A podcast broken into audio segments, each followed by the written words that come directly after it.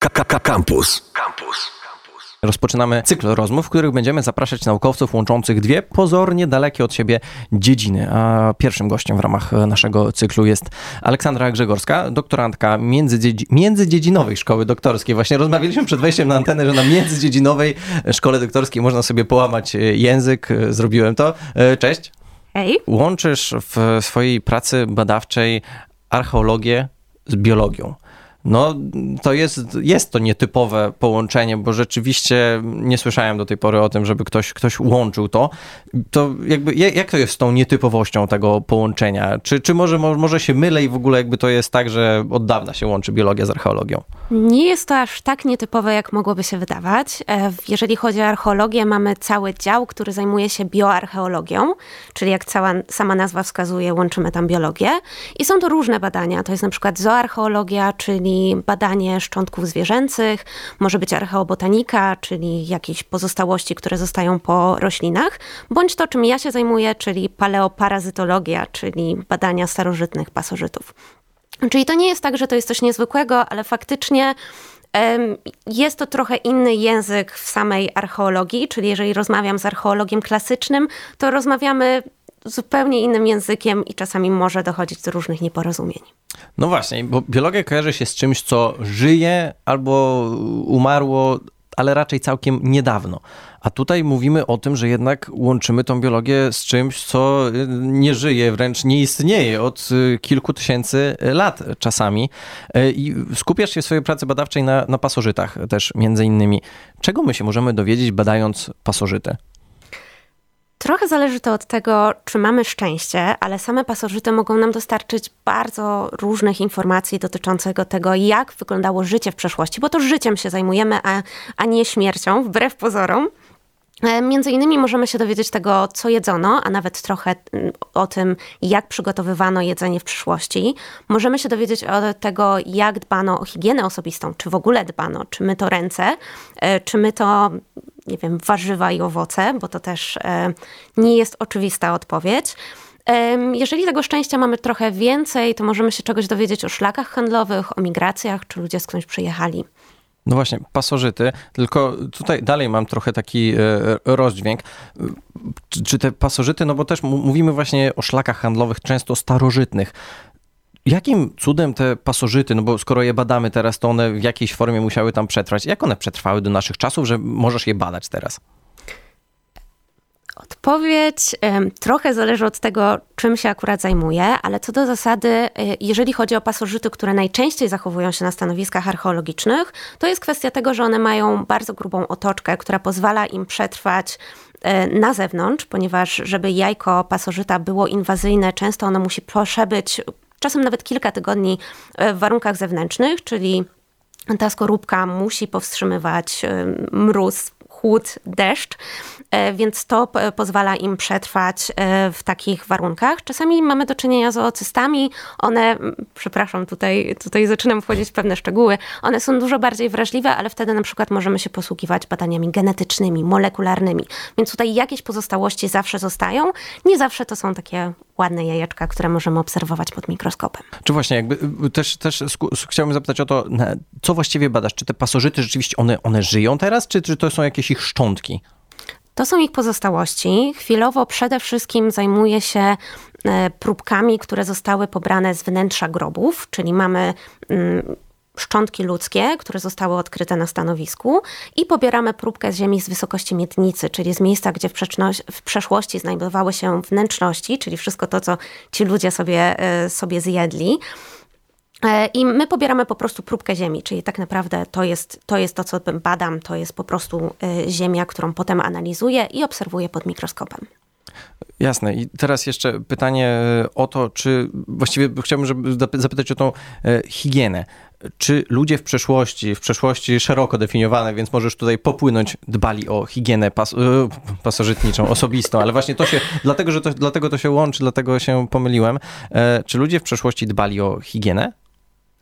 Tak, choć odpowiedź może być trochę bardziej skomplikowana niż by nam się wydawało. Takie lubimy najbardziej. Ponieważ to, co my dzisiaj uważamy za higienę osobistą, niekoniecznie było tak postrzegane w przeszłości. Czyli dla nas teraz e, higieną osobistą jest to, że wyjdziemy z łazienki, umyjemy ręce. Ale w przyszłości niekoniecznie my to my to w tym momencie akurat ręce. E, jeżeli chodzi o na przykład wiek XVI, czyli już rozmawiamy o, o, okresie nowożytnym, który kojarzy nam się z postępem, to to jest okres, kiedy ludzie zaczęli bać się wody, kiedy uważali, że woda otwiera pory i w ten sposób wszystkie choroby dostają się do naszego organizmu. Dlatego najlepiej wody unikać, z wyjątkiem mycia rąk po wstaniu i tuż przed posiłkiem i obmyciu e, twarzy, a całą resztę możemy załatwić przy pomocy ściereczek i czystej bielizny. To jest ten okres, kiedy możemy obserwować wystające mankiety bielizny spod strojów, bo chodziło o to, żeby pokazać, że jest się czystym. Ma się białą koszulę i jeżeli ona nagle stanie się czarna, e, to znaczy, że ona wyciągnęła brud, spełniła swoje zadanie, czyli musimy ją po prostu zmienić i już będziemy czyści. Czyli takie dość, no nietyp, co najmniej nietypowe z naszej perspektywy metody dbania o higienę, swoje, swojego rodzaju dbania o higienę, bo to też, też chyba, chyba o to e, chodziło. Rozmawiamy z Aleksandrą Grzegorską, doktorantką Międzydziedzinowej Szkoły e, Doktorskiej.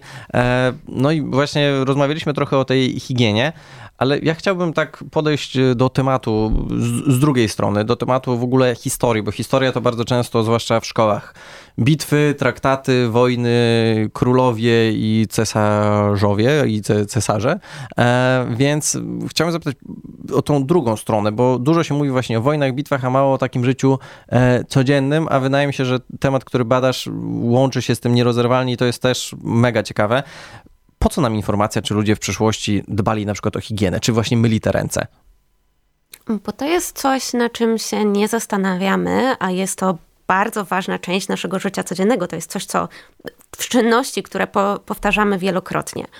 Ponadto mam wrażenie, że często postrzegamy historię zero-jedynkowo. Gdzieś ktoś napisał w tekście, że tak było, więc tak na pewno było. Wszyscy ludzie, nie wiem, jest napisany jakiś obrządek i wychodzimy z założenia, że wszyscy właśnie go przestrzegali. A to nie do końca tak. Spójrzmy na przykład na przepisy BHP. Przy każdym czajniku mamy wywieszoną kartkę, co należy po kolei zrobić. Czy ktoś z tego czy to ktoś tego przestrzega? Jeżeli ktoś by nas znalazł za tysiąc lat, jakiś archeolog. Znalazł taką instrukcję. Tak, dokładnie. To by pomyślał, że o, przecież wszyscy oni wykonywali to właśnie w ten sposób, cały czas siedzieli i patrzyli się na ten czajnik, jak ta woda się gotuje.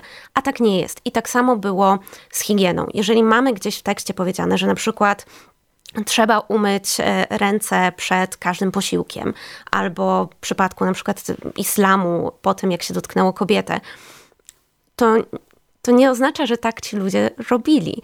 E, I poprzez moje badania, poprzez badania pasożytów, jesteśmy w stanie sprawdzić, czy oni sprawdzali, czy oni wykonywali te wszystkie czynności, które powinni wykonać, czy może nie. I może w ten sposób też okaże się, że na inne teksty też nie powinniśmy patrzeć w taki sposób zero-jedynkowy. Czyli właśnie trochę zderzenie tych tekstów źródłowych, które są bardzo często też podstawą podstawy programowej w szkołach, bo to, to często tak się odbywa, z żywym organizmem, mniej lub bardziej żywym, ale jednak żywym pokazanie, że było trochę e, inaczej.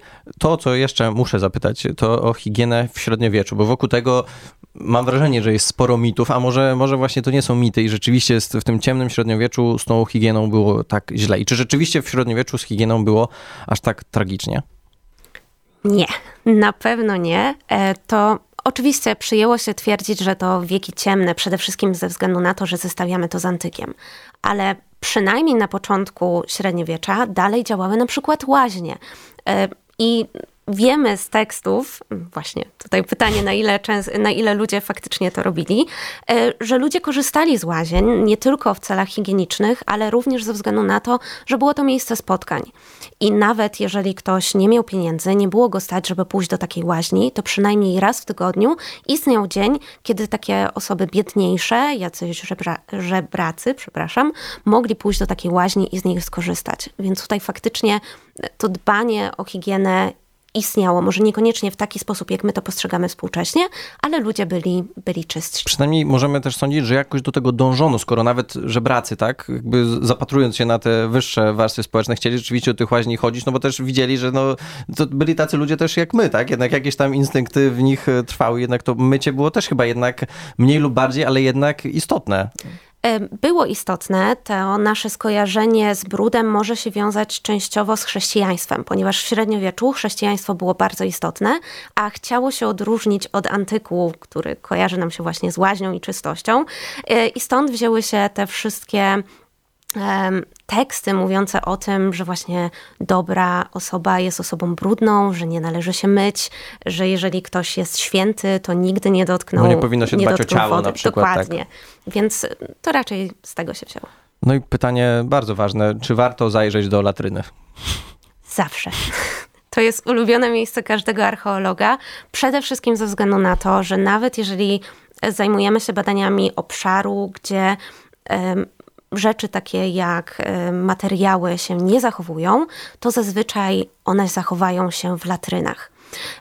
I poza tym latryny były miejscem, gdzie wyrzucano mm, resztki ceramiki, jakieś fragmenty ubrań, które nam się zniszczyły. To był taki trochę śmietnik, do którego wyrzucano wszystko, ale jesteśmy tam w stanie znaleźć perełki. Na przykład podczas badań w Warszawie odkryto w jednej z latryn skrzypce. Normalnie co, co, co to mogło oznaczać? Że ktoś wyrzucił po prostu, czy Tutaj możemy snuć teorię, czy było to celowe, czy przypadkowe, ale faktycznie jesteśmy w stanie tam znaleźć rzeczy, których inaczej by się nie zachowały. I w kontekście moich na przykład badań nad pasożytami, E, w latrynach jestem w stanie du znaleźć dużo więcej gatunków, niż gdybym badała Ziemię z jakichś innych obszarów, właśnie poprzez to, że tam to wszystko zachowuje się lepiej. Właśnie, pasożyty, bo pasożyty, no, co naturalne, kojarzy nam się raczej z y, kimś chorym, tak? No jeśli, jeśli ktoś ma, ma pasożyta, często jakiegoś tasiemca, to najczęściej jest taki na, najbardziej popularny nasz mały przyjaciel, e, no to mówimy o kimś chorym. Czy y, obecność pasożytu, pasożytów y, rzeczywiście nam mówi coś o zdrowiu ludzi wtedy i o tym, jak może dbali właśnie o higienę? Tak. Oczywiście wszystko zależy od tego, o jakich gatunkach rozmawiamy, ponieważ to nie jest tak, że każdy pasożyt to taki tasiemiec, który powoduje, że chudniemy, że źle się czujemy, że mamy bardzo dużo objawów. Niektóre z nich towarzyszą nam bardzo często, choć nie do końca zdajemy sobie z tego sprawę. Czy słyszałeś kiedyś o klątwie faraona? Tak, coś mi się tam obiło o uszy. No właśnie. Często jest tak, że jedziemy do Egiptu, e, tam ta woda nie zawsze jest czysta, umyjemy w niej owoce czy warzywa i potem mamy różne rewolucje żołądkowe i spędzamy urlop e, niestety przykuci do łazienki.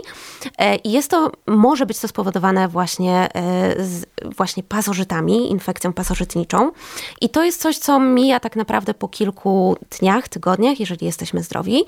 Ale jeżeli znajdę takie pasożyty, w przeszłości, to też mi daje to informację, e, jak ci ludzie żyli, e, co ich dotykało. I mogą być to takie właśnie objawy związane z rewolucją żołądkową, ale mogą być też bardziej nietypowe. Mm, na przykład e, to, że dzieci w, konsekwencji zarażenia pasożyty, pasożytami są niedożywione, w konsekwencji mają niższy wzrost. Wszystkie te informacje możemy czerpać właśnie z badań na styku biologii, biologii z archeologią. I no, z latryny, jakkolwiek to nie zabrzmi, po prostu, która może być skarbnicą wiedzy dla archeologa. Tak, chociaż tutaj głównie dostaniemy informacje dotyczące populacji, więc jest to trochę trochę trudniejsze do interpretacji, bo może się okazać, ta, e, może się zdarzyć tak, że mamy populację, w której, nie wiem, dwie, trzy osoby mają bardzo dużo tych jaj pasożytów, a cała reszta jest zdrowa. I zaburza nam to trochę obraz. I zaburza nam to statystykę, ale doskonale wiemy, jak to jest ze statystyką. Chciałem zapytać o to, czy po nas coś zostanie, bo jednak no, w takim rozumieniu szarego człowieka, jakim ja w tym temacie się e, e, uważam, e, no to jednak wydaje się, że teraz no, higieną jest dużo lepiej że jednak teraz tych pasożytów to właściwie nie ma i czy jak ktoś za kilkaset albo kilka tysięcy lat przyjedzie na stanowisko archeologiczne w Warszawie i będzie tutaj badał latrynę warszawską, jakkolwiek, co, cokolwiek by to nie było, czy, to, czy, czy on będzie miał cokolwiek do badania, czy po nas coś zostanie? Pasożyty dalej są. E, wystarczy zastanowić się nad tym, na przykład, jak często mm, mamy kontakt z dziećmi, które, które miały wszy. Wszy to też pasożyty. E, jeżeli wyjeżdżamy za granicę, malaria, choroba pasożytnicza, e, jakieś pchły, wszy, wszystko to są pasożyty. Jeżeli chodzi o pasożyty wewnętrzne, czyli te, które żyją w naszych żołądkach, to one też jak najbardziej są obecne, choć nie zawsze zdajemy sobie z tego sprawę. Parę lat temu e, studenci medycyny poszli na bazarek w Warszawie, żeby zakupić kilka ryb i sprawdzić, czy mają pasożyty. No i oczywiście okazało się, że tak, jak najbardziej. Te pasożyty są obecne, e, ale mamy leki, dzięki którym możemy, możemy wyleczyć e, zakażenie pasożytnicze całkiem łatwo, o ile oczywiście będziemy sobie zdawać sprawę, że mamy do czynienia z takim zarażeniem. Ale co do zasady, Pewnie jakbyśmy się tu przebadali, to się okaże, że każdy z nas ma jakieś pasożyty, ale niekoniecznie wpływają one na nasze życie codzienne. Może być tak, że jedyne co powodują to to, że czasami głośno burczy nam w brzuchu i raczej nie będziemy się tym przejmować. Jeżeli jesteś zdrowy, jeżeli nic ci nie jest, to najprawdopodobniej nie będzie tutaj żadnych negatywnych konsekwencji. No właśnie, może od tego nawet powinniśmy zacząć i powiedzenia tego, czym jest właściwie pasożyt, bo jakby to te też jest y, mylne, mylnie czasami rozumiane. No, y, ktoś, y, pasożyt, no to tasiemiec na przykład, tak? Ale wszy, tak. no nie, jakby to, to, ktoś może tam kiedyś słyszał, że to też są w sumie pasożyty, ale też powiedzmy o tym, czym jest właściwie pasożyt? Pasożyt to coś, co się, co czerpie z, nasze, z innego organizmu. One potrzebują bardzo często innego organizmu, żeby przetrwać. Ale pasożyty możemy podzielić na przeróżne kategorie. Taki najprostszy podział to ekto i endopasożyty. Ektopasożyty to te pasożyty, które żyją na naszej skórze, czyli na przykład wszy, pchły, kleszcze, wszystko to.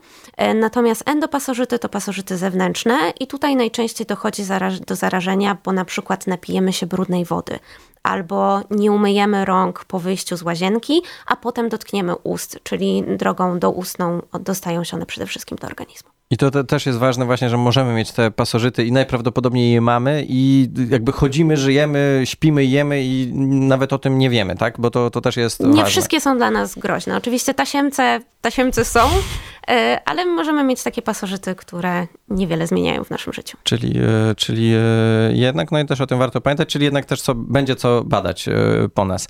A czy istnieją jakieś inne metody, czy też źródła, z których możemy, których możemy użyć, by dowiedzieć czegoś się o tej higienie w przeszłości, ale też jakby czy, czy te źródła będą też w przyszłości takie, które będą mówiły o naszej e, higienie? Jest ich wbrew pozorom całkiem sporo. Oczywiście najprostszą to są teksty, ale higiena nie jest czymś, o czym wspominamy, nie wiem, filmach, w książkach raczej nie czytamy za dużo o tym, że ktoś poszedł do łazienki i umył ręce. Tak, to jakiś hollywoodzki film raczej by się słabo sprzedał, który by mówił o tym, że ktoś poszedł do łazienki i umył ręce. Chociaż tak, kto wie. ale pojawiają się czasami takie wzmianki w tekstach. Bardzo często na przykład w poezji, wbrew pozorom, mamy jakieś takie śmieszne żarciki dotyczące tego, e, że nie można znaleźć gdzieś łazienki, albo że ktoś musiał defekować pod drzewem, e, więc takie rzeczy się zdarzają. Oprócz tego bardzo ważne są różnego typu zabytki, e, na przykład grzebienie e, i jak jeżeli spojrzymy na takie stare grzebienie, które są znajdowane, nie wiem, w Egipcie, w Europie, to one mają bardzo blisko siebie położone ząbki, a wszystko po to, żeby móc pozbywać się właśnie wszy. Więc tutaj też mamy taką dodatkową informację. Oprócz tego mamy na przykład miednice i nalewki. To jest coś, co występowało w Polsce. Nalewka to taki dzbanek, z którego wylewano wodę, żeby móc umyć ręce. Więc tych zabytków trochę jest.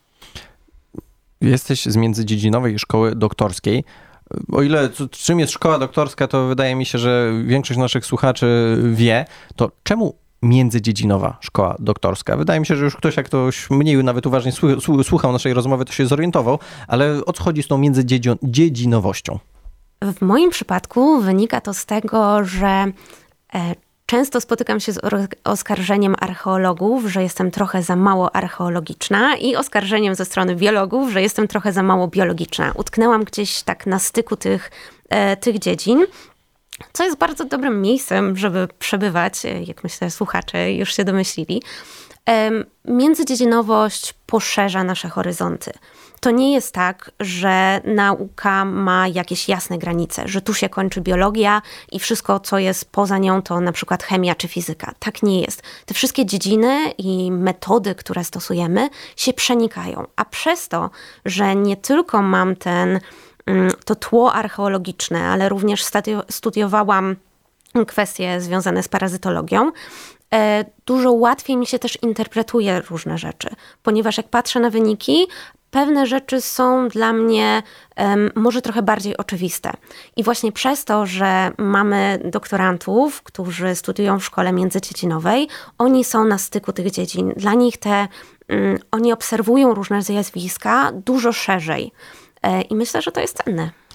Czy to czy nie jest tak, że ta międzydziedzinowość to jest przyszłość, o ile w ogóle nie już te, teraźniejszość nauki? Bo zapraszając gości do kampusa głównego, mam wrażenie, że to bardzo często jest tak, że zresztą już z międzydziedzinowej szkoły doktorskiej e, gościliśmy w naszym e, studiu doktorantów. Czy to nie jest tak, że ta międzydziedzinowość to jest tak naprawdę przyszłość nauki i bez takiego właśnie szerszego spojrzenia z perspektywy kilku, kilku dziedzin i orientowania się w tych kilku dziedzinach e, nie, będzie, nie będziemy mogli mówić o przyszłości nauki?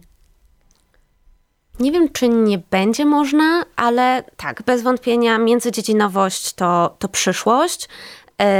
Tym bardziej, że trochę trudno tkwić w jednej dziedzinie. My tak naprawdę sięgamy po metodologię z innych, tylko nie zawsze jest to oczywiste. Jeżeli ktoś siedzi bardziej w takich humanistycznych przedmiotach, e, to sięga na przykład, nie wiem, po językoznawstwo i literaturoznawstwo z mojego punktu widzenia to są rzeczy bardzo do siebie podobne, ale na pewno osoba, która, e, która je studiuje, zaczęłaby się kłócić, że nie, nie, nie. To literaturoznawca zupełnie... właśnie się oburzył pewnie teraz tak, nas słuchając. Tak, bardzo przepraszam, ale y, tak, więc y, bez wątpienia to jest przyszłość e, i myślę, że będziemy sięgać do coraz, e, po coraz bardziej nietypowe mieszanki, które w gruncie rzeczy dają nam potem fantastyczne wyniki i które pozwalają nam przypadku tego, czym ja się zajmować, zajmuję, e, poznawać e, kwestie, nad którymi się wcześniej nie zastanawialiśmy które by nam w ogóle do głowy nie przyszły, na przykład pozostając w ramach e, jednej e, nauki.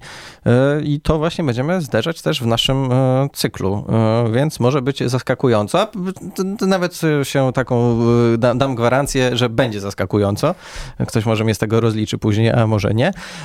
Rozmawialiśmy z Aleksandrą Grzegorską z międzydziedzinowej właśnie szkoły doktorskiej UW. No, jak chciałbym podsumować, o czym rozmawialiśmy, no to właściwie właśnie rozmawialiśmy o wielu bardzo rzeczach, o biologii, archeologii, archeologii, latrynach, e, o reju też nawet na koniec było. E, dziękuję bardzo. Bardzo dziękuję za rozmowę. Radio Campus.